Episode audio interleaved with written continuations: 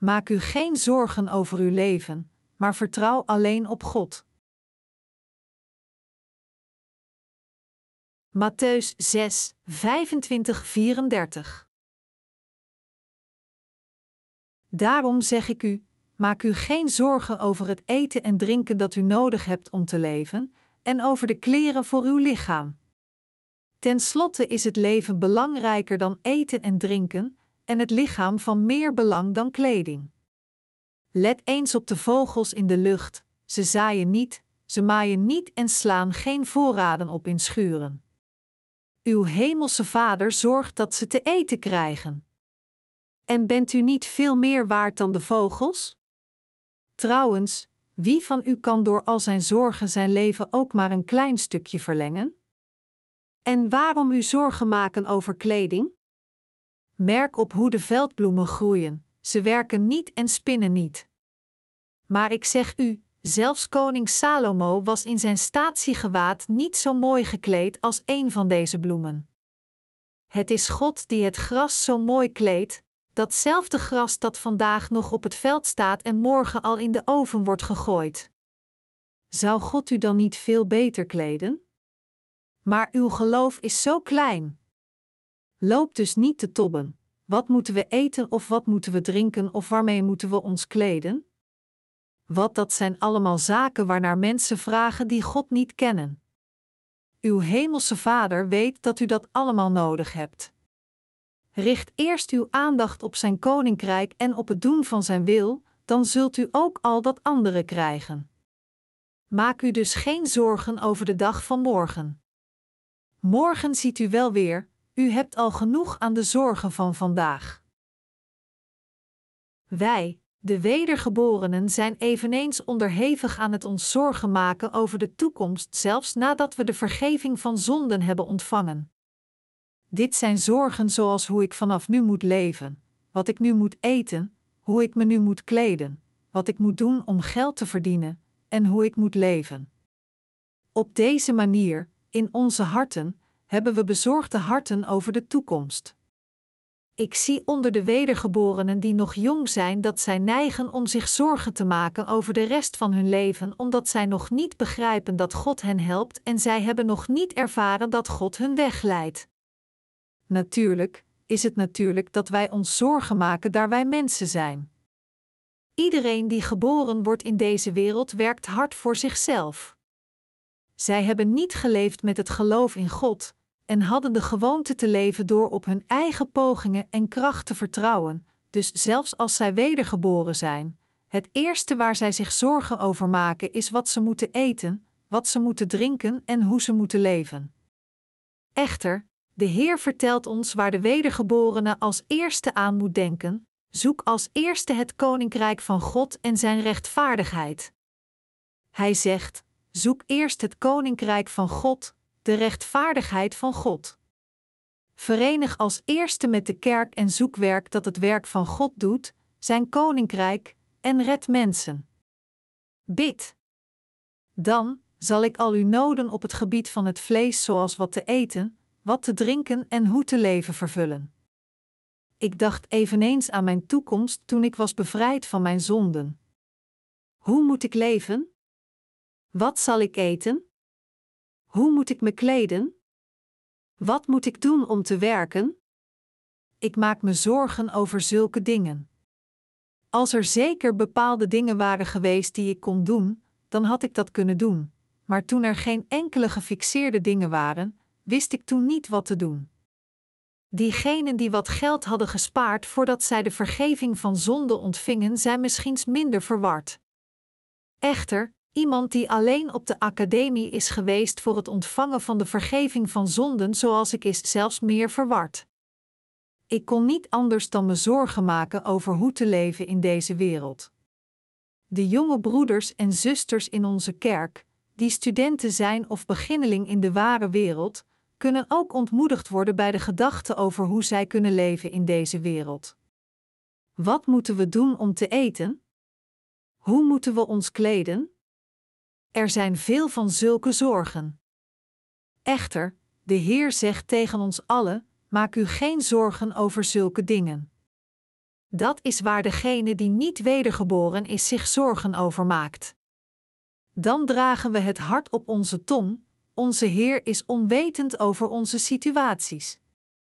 Dit is een reëel probleem, en hoe kunnen we ons daar geen zorgen over maken? De problemen van voedsel, kleding en een plaats om te wonen hangt er nu vanaf. Hoe kunnen we niet hierover nadenken? Echter, de Heer zegt stellig tegen ons: dat is waar de niet-Joden zich zorgen over maken. Maak je geen zorgen over hoe te leven. Denk als eerste aan de gerechtigheid van God en leef uw leven als u zijn rechtvaardigheid uitvoert.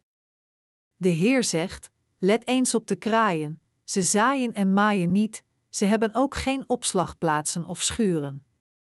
God voedt ze. En jullie zijn zoveel meer waard dan vogels. In feite, als we geloven wat de Heer zegt, is er geen discussie tegen Hem mogelijk. Wij maken ons zorgen over ons leven, maar de Heer bekijft ons in duidelijke taal: maak u geen zorgen over materiële dingen. Dat is waar de niet-Joden om vragen. Dat is wat degenen die niet zijn wedergeboren om vragen. Let op de lelies in het veld, hoe zij groeien, zij zwoegen niet, nog spinnen niet. Als God het gras in het veld kleedt, wat vandaag is, en morgen in de oven wordt gegooid, zal Hij jou dan niet meer kleden? O jij van weinig geloof! Beste mede-christenen, hoe groeien de lelies in het veld? Zullen zij automatisch beginnen met uitspruiten en groeien en bloeien? Het is omdat God ze zaait, hen zonlicht geeft als ze het nodig hebben, en hen regen geeft en maakt dat ze bloeien. De Heer zegt dat God zorgt voor het gras en het veld, hoeveel meer zal Hij dan zorgen voor jou, Hij die een rechtvaardig persoon is? Beste mede-christenen, er zit veel verschil tussen de zorgen die we hebben en de zekerheid die we van Gods woord van de waarheid krijgen. We zijn zo bezorgd over onze toekomst, maar er is niet veel wat we kunnen zeggen daar Hij ons het zwijgen oplegt door simpel te zeggen: aanschouw de lelies op het veld. God geeft zonlicht en regen om de lelies zo goed mogelijk te laten groeien. Dan zal Hij niet voor ons zorgen, wij die Zijn kinderen zijn? Heb het geloof dat vertrouwt op God. Dan kunt u communiceren met God. Wat moeten we doen om te communiceren met God? Er is geen andere manier behalve te geloven in God's Word. Als we geloven in Zijn Woord zoals het is, kunnen we met Hem communiceren door geloof. Als God het zegt, als we in Hem geloven volgens Zijn Woord dat God me zal kleden, voeden en me helpt om te leven, kunnen we in verband staan met God en een worden, in staat zijn met Hem te communiceren en te worden beantwoord in ons geloof. Aanschouw de lelies op het veld. Hebt u het geloof dat dit beleidt? God laat de lelies op het veld groeien. Ik ben een van Gods mensen, een kind van God, en God is mijn vader en herder, dus ik geloof dat Hij me zal voeden en kleden. De enige manier om zorgen af te schudden is door te geloven. God, ik geloof in U. Er zijn geen andere woorden dan deze voor God. Er zijn geen andere woorden die we kunnen zeggen. Beste mede-christenen, als de Heer een ding zegt, kunnen we dan iets anders daartegen inbrengen? In het geschrifte deel van vandaag belooft God ons dat Hij ons alles zal geven wat we nodig hebben als we voor het eerst Zijn koninkrijk en Zijn rechtvaardigheid zoeken. Als we deze passage door geloof tot onszelf nemen, kunnen we niet iets anders zeggen. We kunnen geen ander excuus maken dan dat we het geloof niet hebben. Ik kan de lelies op het veld laten groeien. Als zo, kan ik dan niet jou laten groeien? Ik kan welke plant dan ook laten groeien. Als zo, kan ik dan niet mijn kinderen laten groeien? Nu, geloof in Hem. Als we dit geloven, mogen we niet zo denken: regen is iets dat God maakt om van de hemel te laten vallen hoe dan ook, en de zon is iets dat Hij hoe dan ook geeft, en daarom groeit het gras, maar we kunnen niet alleen van regen en zon leven. Weet u dan niet, God, hoe hard we moeten werken om te leven? Natuurlijk is het uitgesloten dat God dat niet weet. Als de Heer ons allen zegt dat Hij ons kent, dan moeten we geloven dat God ook ons de bekwaamheid, wijsheid, zegeningen zal geven dat ons in staat stelt om eveneens in deze wereld te leven. Als de Heer een lelie nam om een argument te maken dat ons vertelt dat God in alles zal voorzien op het juiste moment, dan kunnen we geloven dat God alles zal voorzien op het juiste moment voor ons, die Gods kinderen zijn. De Heer geeft ons een ander voorbeeld om ons geloof tevoorschijn te roepen, zeggend: Let eens op de vogels in de lucht, ze zaaien niet, ze maaien niet en slaan geen voorraden op in schuren. Uw hemelse Vader zorgt dat ze te eten krijgen. En bent u niet veel meer waard dan de vogels? Matthäus 6 uur 26. Echter, sommige ongelovige mensen interpreteren dit vers absurd, zeggend: Kijk. Kijk naar de vogels in de lucht. Hoe ijverig ze zijn. Als we hard werken in deze wereld, net als deze vogels die vliegen in de lucht, kunnen we goed leven in deze wereld. Zij werpen zulke argumenten als deze op. Daar deze mensen geen geloof hebben, maken zij argumenten zoals deze: A. Als een man hard werkt, kan hij genoeg voedsel krijgen en in overvloed leven. Argumenten als deze zijn verschillend van het argument van geloof dat de Heer ons verteld heeft.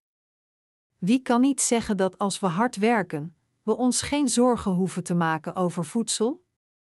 Echter, wordt iedereen rijk alleen omdat hij hard werkt? Dat is niet het geval voor iedereen. Er zijn zoveel mensen die maanden of zelfs meer dan een jaar bij een bedrijf werken, maar nog niet betaald zijn. Let op de vogels in de lucht, ze zaaien niet, ze maaien niet en slaan geen voorraden op in schuren. Uw hemelse Vader zorgt dat ze te eten krijgen. En bent u niet veel meer waard dan de vogels? Matthäus 6 uur 26. Wat de Heer heeft gezegd in dit vers is niet dat we voedsel kunnen hebben als we hard werken. De Heer zei dat God onze Vader, die ons gered heeft, ons voorziet met wat we nodig hebben om te eten, en te drinken, en te dragen, kleding, om onze levens in deze wereld te onderhouden. Dit betekent dat God ons, de rechtvaardigen, zal voeden en ons zal kleden. Dit betekent dat God zal zorgen voor elke rechtvaardige die leeft voor het verspreiden van het evangelie. Het hoofdpunt van dit vers is dat, als jullie mijn kinderen zijn, zou ik jullie laten verhongeren, geen kleding geven?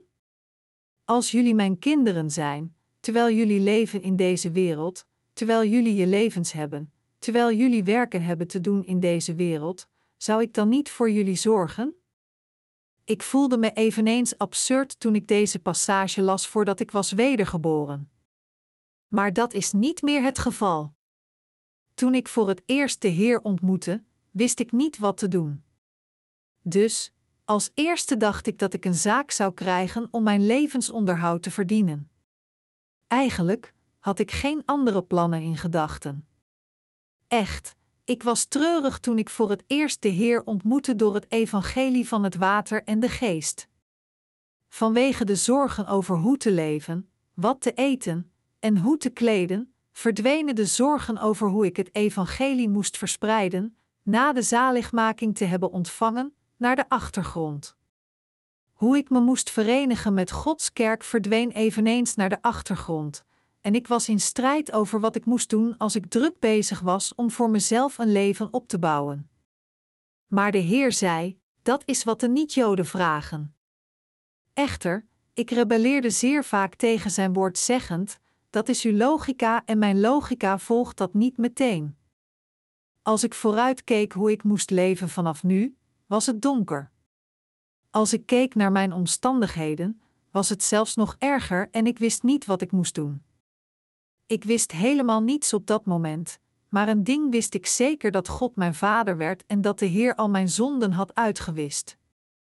En dan zei de Heer: Als je het geloof hebt van een mosterdzaadje, en zegt tegen deze berg: Verplaats van hier naar daar, en het zal bewegen. Dit betekende dat de Heer me het evangelie van de waarheid gaf dat me in staat stelde om te leven met geloof. En hij zei eveneens tegen me: Zoek als eerste het koninkrijk van God en zijn rechtvaardigheid, en al deze dingen zullen aan je worden gegeven. Ah, dit is de weg hoe ik kan leven. Ik nam het besluit om mezelf aan Gods werk te wijden. Ik hield vast aan dit woord en begon voor alles dat ik nodig had te bidden. Ik bad: Vader God, ik heb geen geld.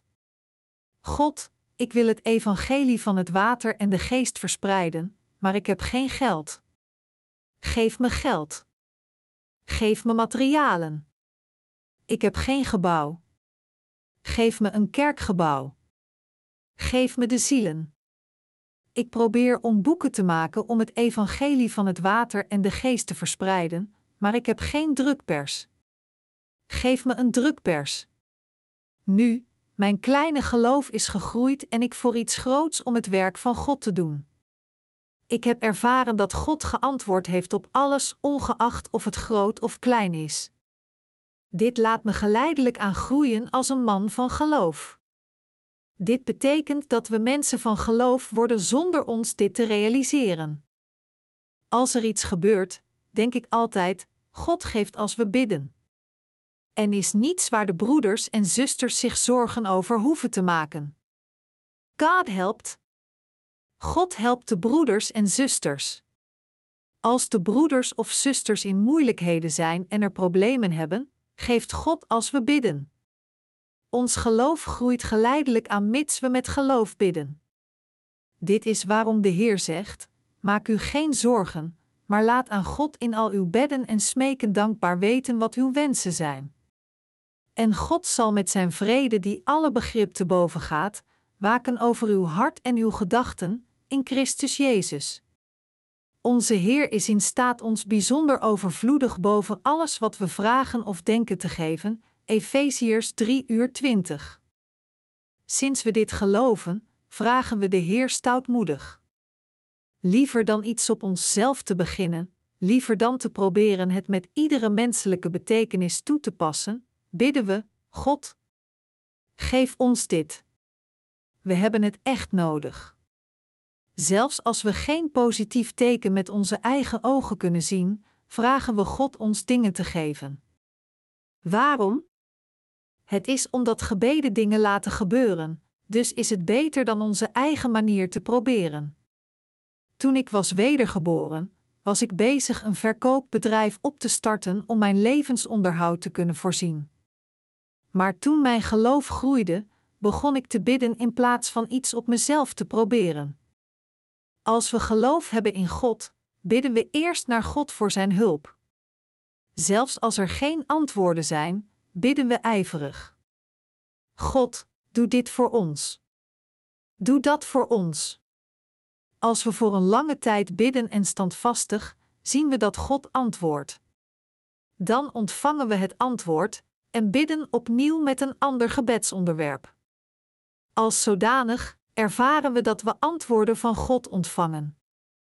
Daarom worden we mensen van geloof. We krijgen een sterker geloof dat gelooft in God. We komen tot een stevig geloof dat de Heer ons voedt, ons kleedt en laat ons leven. Als we leven voor de rechtvaardigheid van God, ontwikkelen we ons geloof in God. Daarom, als we werken voor de rechtvaardigheid van God, maken we ons niet veel zorgen over wat we vanaf nu moeten eten, of wat we zullen drinken of dragen, kleding. Telkens als we iets nodig hebben, keren we terug naar het bidden: God, geef weer aan ons. Geef onze broeders en zusters materialen. Geef ons gezondheid. Geef ons dit. Geef ons dat. We keren terug naar het bidden. Dit betekent niet dat we alleen moeten zitten en bidden en niets op onszelf moeten doen. We moeten als eerste bidden en dan naar Gods rechtvaardigheid zoeken. Dan geeft God ons wat we nodig hebben om te eten, drinken en verschillende andere dingen die we ook nodig hebben, als ook al het andere. Ik hoop dat u gelooft dat Hij alles zal geven. In realiteit zijn we in staat geweest te leven en zijn werk goed te doen tot nu tot, omdat God ons met alles heeft voorzien. Daarom, ook voor de toekomst, zal God ons de ware rechtvaardigheid geven wat we nodig hebben om te dragen, eten en drinken, welke noodzakelijk zijn voor ons leven. Niet alleen dit, al het andere dat we vragen voor het koninkrijk van God, geeft God in overvloed. Broeders en zusters, dit is waarom het een zegening is om te leven in God. We leven niet met wat we hebben, maar met het geloof in God. Dit is waarom de rechtvaardige kan leven met rijkdom voor het vlees en de geest. Als we waarlijk leven met het geloof dat gelooft in God, leven we in overvloed voor het vlees en de geest. God vertelde ons: maar zoek eerst het koninkrijk van God en zijn rechtvaardigheid, en al deze dingen zullen aan jou worden gegeven. Dit betekent dat we in verbintenis met zijn kerk moeten leven voor het koninkrijk van God en zijn rechtvaardigheid, voor het evangelie en voor de zaligmaking van de zielen van anderen. De Heer zegt tegen ons te leven voor het evangelie van het water en de geest. Dit betekent dat God alles zal geven als we leven voor de rechtvaardigheid van God. Dit is de belofte van veiligheid dat God aan u en mij verzekert. Dit is het verbond dat God maakte met diegenen van ons, die zijn wedergeboren. Als we onze harten geven en leven voor Gods evangelie, zal God zeker onze levens garanderen door te verstrekken wat te eten, drinken en te dragen. God zal zeker garanderen dat we leven met overvloed voor het vlees en de geest. Beste mede-christenen, leef voor God. Bent u nerveus over uw leven? Leef voor het evangelie van God. Leef voor het evangelie van het water en de geest. Fixeer je verstand op het werk van God. Als u dat doet, is uw toekomst gegarandeerd. Wanneer zijn we als mensen het meest bezorgd? Als onze materialen, ongeacht hoe klein dat is, waar we op leven op geraken, dan voelen we ons heel onzeker. We voelen ons eerder comfortabel als alles wat we hebben op is en we met lege handen overblijven. Sinds we niets hebben te verliezen, hebben we ook geen bezwaren tegen wat dan ook. Het is gemakkelijker het opnieuw te proberen met geloof in de Heer. Echter, we zijn meer onzeker als we niet alles verliezen en proberen te leven met wat we nog steeds hebben. Hoe nerveus worden we bang dat we dat kleine beetje wat we nog hebben ook verliezen? Beste mede-christenen, ongeacht we iets over hebben of niets over hebben, leef alleen voor de Heer, voor het Evangelie en vertrouw in de Heer. Dan vult de Heer ons niet alleen met wat we hebben, maar met overvloed. Het is omdat onze Heer ons vult in overvloed als we leven voor het Evangelie, en helpt ons te leven als we het redden met wat we hebben. Dat is het. Hou deze geschriften passage van vandaag in gedachten, maar zoek eerst het koninkrijk van God en zijn rechtvaardigheid, en al deze dingen zullen aan jou worden gegeven. Dit is omdat als we leven voor God, God niet anders kan dan ons alles te geven wat we nodig hebben. Er was een broeder die kleermaker was. Men kan niet veel geld verdienen als kleermaker. Hij zei dat hij verschillende nachten op moest blijven om een kostuum te maken. Dus toen hij veel werk deed voor de kerk, verspeelde hij al zijn geld. Toen begon hij te bidden voor de Heer. Vanaf toen bestelden de mensen meer trainingskleren dan kostuums. Een bedrijf begon trainingskleren met massa's van verschillende honderden of verschillende duizenden te bestellen, dus toen hij een bedrijf begon, verdiende hij veel geld. Daarom kon hij nog steeds leven zelfs als hij de Heer diende. Leven is leven of hij nu kostuums of trainingskleren maakt, maar er zijn vele broeders die de Heer zelfs meer kunnen dienen omdat zij beden toen zij in moeilijkheden verkeerden. In realiteit zijn er vele voorbeelden als deze. Iedereen die heeft geleefd voor de Heer heeft dat ervaren. Wij, de rechtvaardigen, leven niet alleen met wat we hebben. Wij dienen de Heer met wat de Heer heeft voorzien, omdat de Heer ons vervult. Als we alleen leven met wat we hebben, dan zal het gauw opraken. Er was een weduwe in Zarefhat in het Oude Testament. Op dat moment was er een jarenlange ergere droogte door God. Door de hongersnood raakte alles dat ze had op en het laatste dat overbleef was een handvol meel in een pot. Toen ze het meel met water mengde en het kneden, ontstond er een bonkdeeg dat alleen de honger zou stillen van twee of drie mensen. Ze rolde het deeg met een deegroller om brood te maken. De Joden maken broden om te eten. Ze rollen het bloemdeeg uit om het plat te maken en als het vuur uitgaat en er alleen een houtvuurtje overblijft, dan leggen ze het deeg erop. Toen ze voor de laatste keer een pannenkoekachtig brood voor haar en haar zoon ging maken om te eten, dacht ze dat ze na dit zouden sterven van de honger. Toen verscheen er een dienaar van God, Elia. Vrouw, heb je iets te eten? Ja, ik heb zoveel meel. Dan bak het en breng het naar mij, zodat ik kan eten. Beste mede-christenen, omdat de dienaar van God haar vertelde het naar hem te brengen, deed ze dat. Ze dacht dat zij dit laatste stuk zou eten met haar zoon. En dit was alles dat ze had, ze gaf het aan de dienaar van God om te eten. De weduwe gaf de dienaar van God het laatste stukje dat ze had. Het leek alsof er geen hoop meer was voor haar. Echter, iets ongelooflijks gebeurde in die tijd. De dienaar van God bad na het gegeten te hebben. Toen raakte het meel in de pot nooit op. De Bijbel vermeldt dit. Beste mede-christenen, de Bijbel zegt: richt eerst uw aandacht op zijn koninkrijk en op het doen van zijn wil, dan zult u ook al dat andere krijgen. Diegenen die niet zijn wedergeboren bedriegen anderen van hun geld door dit vers. Dit gebeurt regelmatig in het dagelijkse leven. Maar in werkelijkheid, de zielen van het leven door geloof te leiden en het evangelie van het water en de geest te dienen is geen misleiding, maar het woord van God. Als we echt leven voor de Heer, zal de Heer echt voor ons zorgen. Geloof het. U moet het geloven. Beste mede-christenen, zeg me na. Heer, ik geloof in u. U voelt zich nog steeds onzeker, niet? Dan kunt u het uitroepen. Ik geloof. Hebt u op eigen kracht geleefd tot nu toe? Dan houdt u zelfs meer vast aan God met geloof. Als we aan iets wanhopig vasthouden, raakt het toch nog op. U kunt het niet tegenhouden, zelfs niet met uw behoorlijke sterke kracht. Dit is waarom de Heer ons vertelt te leven met geloof. We moeten leven met het hart voor de Heer en de Heer dienen ongeacht we veel hebben of niet. Dan zal de Heer u zeker voorzien met datgene wat u nodig hebt. Als we de Heer dienen, dan heeft Hij de verantwoording om voor ons te zorgen.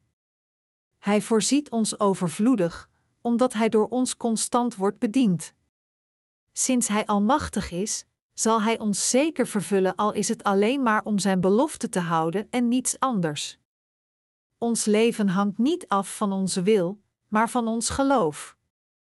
Wij, de dienaren van God, als ook al de broeders en zusters, zouden met geloof moeten leven, het geloof dat ervaart wat God voor hem heeft gedaan toen zij voor de Heer leefden.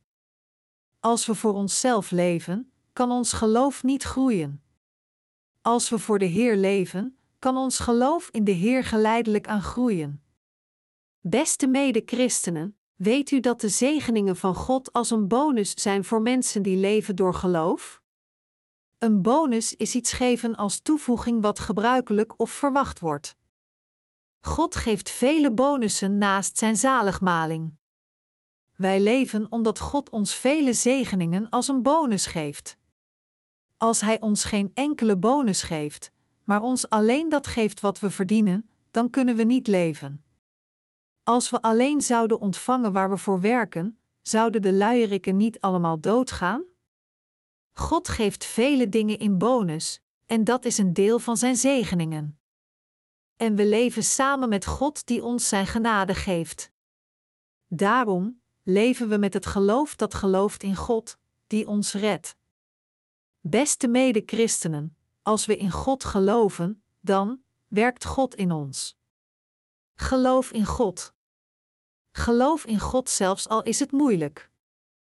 Gods belofte is dat Hij naar ons zal luisteren als we in Hem geloven. Richt eerst uw aandacht op Zijn koninkrijk en op het doen van Zijn wil, dan zult u ook al dat andere krijgen. Ervaar hoe God al deze dingen aan jou geeft als je leeft.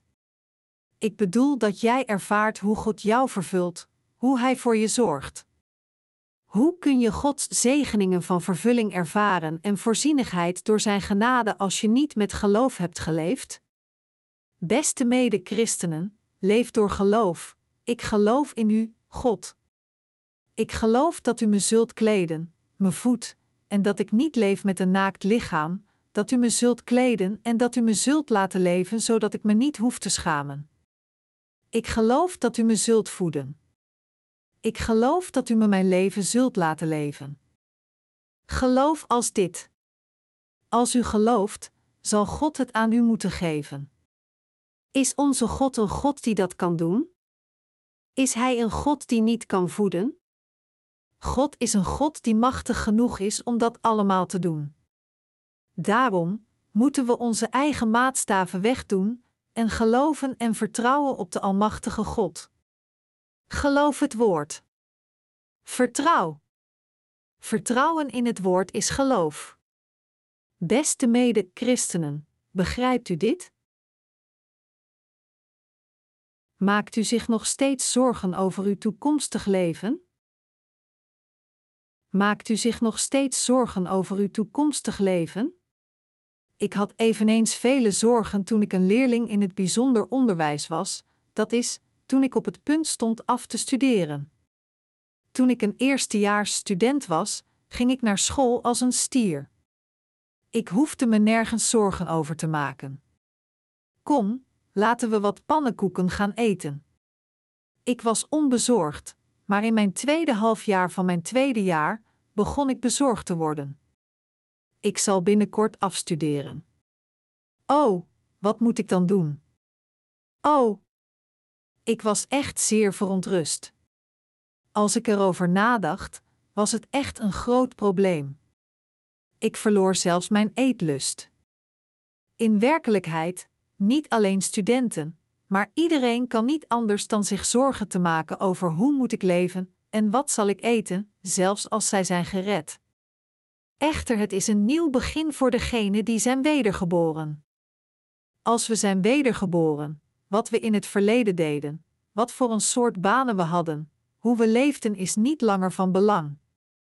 Echter, hoe of met wat je ook leefde in het verleden, nu dat je bent wedergeboren, moet je een nieuwe start maken. We maken een nieuw jaar. Een nieuw tijdperk. In Exodus 12 staat geschreven: Voortaan zal deze maand voor jullie de eerste van het jaar zijn. Exodus 12, 2.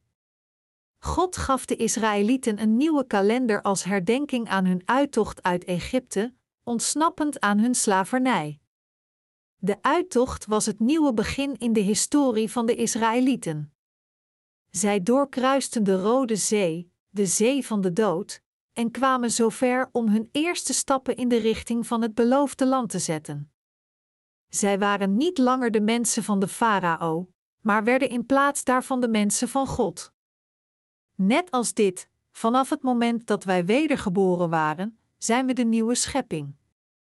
Dat is waarom we een totaal nieuw leven moeten beginnen. Het is niet een uitbreiding van ons vorig leven.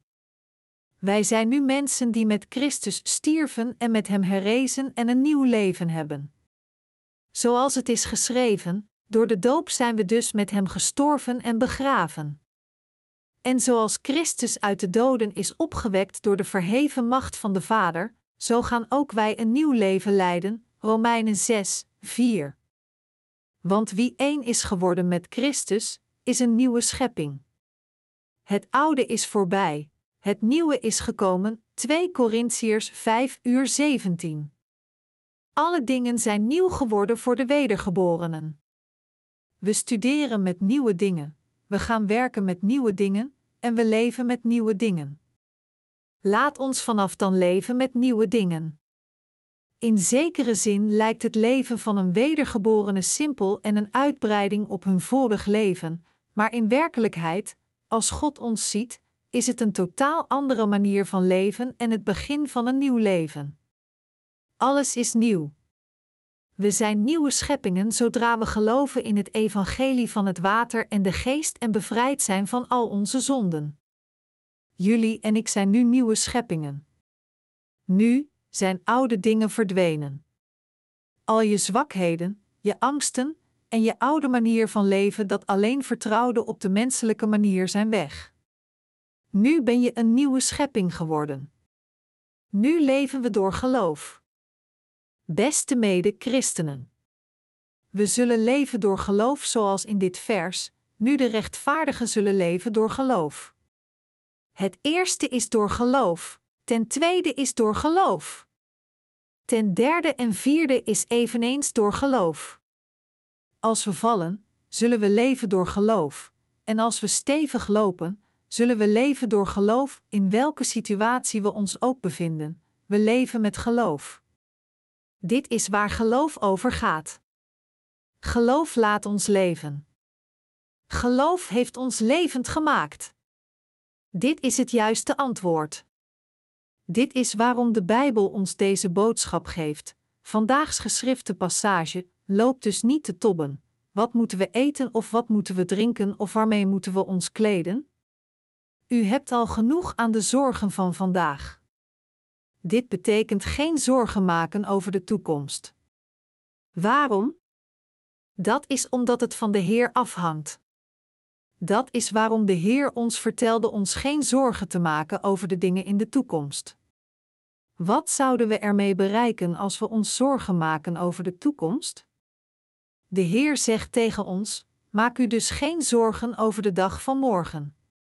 Morgen ziet u wel weer, u hebt al genoeg aan de zorgen van vandaag. We moeten vandaag of morgen met geloof leven. We dagen de toekomst met geloof voor God uit. We vragen God met geloof: God, doe dit voor me. Doe dat voor me. Bidden is uitdagen met geloof dat iemand gelooft in God en gelooft dat Hij dat voor ons zal doen. Dat is alles wat we kunnen doen, en onze eigen wil en eet voor wat wij willen doen voor de toekomst zijn nutteloos. We kunnen onze toekomst of onszelf niets garanderen. Niets is zeker. Dit is waarom God, de Heer der Heerscharen, ons in de geschrifte les van vandaag vertelt dat we ons geen zorgen hoeven te maken over wat te eten, drinken of te dragen, kleding. Beste mede-christenen, we hoeven ons geen zorgen te maken over hoe te leven of hoe voor ons vlees zal worden gezorgd. Maak je geen zorgen. Wie van u kan één elleboogslengte toevoegen aan zijn gestalte door zich zorgen te maken? Dit is hoe groot ik ben, maar zou ik groter worden zelfs maar één centimeter als ik me zorgen maak? Zou het gebeuren als we ons de hele nacht er zorgen over maken, zoals dit: dit is wie ik wil zijn. Er is niets dat werkt, omdat we ons zorgen maken. Verwerven we er brood mee, of verdienen we er geld mee? We zouden niet bezorgd moeten zijn over iets, maar over alles, door gebed en smeekbeden presenteer jij je verzoeken aan God. Bid vurig en vraag met geloof in God. Dat is wat we moeten doen. Als je bezorgd bent, vraag God om hulp. Vertrouw in God. Mede-christenen, leef je leven door in God te geloven. Begrijp je dit? Ja, we leven als we geloven, maar we sterven als we niet geloven. Beste mede-christenen, als je niet gelooft in God, zul je sterven. Als je vertrouwt op al de bezittingen die je hebt, dan zullen ze opraken. Net als de peul opent en de erten opraken, raken zij allemaal op. Hoeveel erten zou een peul hebben? Heeft het honderden erten? Nee, alleen vier of vijf erten. Beste mede-christenen, laat ons erover nadenken. Kun je, je hele leven, leven met alleen datgene wat je hebt, zoals je kracht, je mogelijkheden, je gezondheid en je rijkdom? Ik bedoel, je moet rekenen, ongeacht of niet, je al de menselijke verplichtingen naar je kinderen en je ouders kunt volbrengen. Beste mede-christenen, kunnen jullie rekenen? Ongeacht hoeveel rijkdom we hebben, als we leven met alleen dat, kunnen we niet leven. We moeten in God en Zijn woord geloven. Er is een ding dat ik echt naar jullie wil roepen. Dat is om alleen in God te geloven. Zelfs als je God niet met eigen ogen kunt zien en geloof in Hem te hebben ongegrond lijkt, toch moet je in Hem geloven.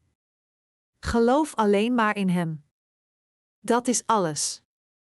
De Bijbel zegt: geloven is zeker zijn van de dingen waar je op hoopt, ervan overtuigd zijn dat wat je niet ziet, toch bestaat.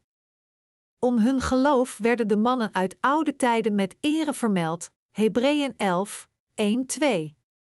Zelfs als geen bewijs voor onze ogen is te zien en geen tastbaar ding voor onze hand vast te houden is, moeten we God alles vragen met geloof. God, geef me. Ik geloof. Draag zorg voor al mijn noden, voedsel, kleding en huisvestingproblemen in mijn leven. Help me om een waardig leven te leven. Als je in Hem gelooft en bidt voor Zijn hulp, zal Hij antwoorden. Echter, als je niet gelooft en leeft vertrouwend op eigen kracht, je eigen calculatie, dan zul je sterven. Je zult zelfs het kleinste bedrag dat je hebt verliezen en een echte bedelaar worden. Het vers de rechtvaardige zal leven door het geloof betekent dat de enige manier hoe een rechtvaardige kan leven is door geloof. De rechtvaardige zal leven door het geloof, Romeinen 1 uur 17, Hebreeën 10 uur 38. Beste mede-christenen, er is niets dan het geloof dat gelooft in God. Beste mede-christenen, geloven jullie? Geloof is niet iets dat anderen toebehoort. Je laat je geloof niet groeien om het aan iemand anders te geven. Het geloof is van jou. We kunnen alleen leven door in God en God's Word te geloven. Het ontwikkelt zich volgens je eigen geloof in God en Zijn Woord. Het is veel belangrijker om in Gods Woord te geloven, te bidden met geloof in God en te leven als we Zijn wil volgen, eerder dan over alles bezorgd te zijn.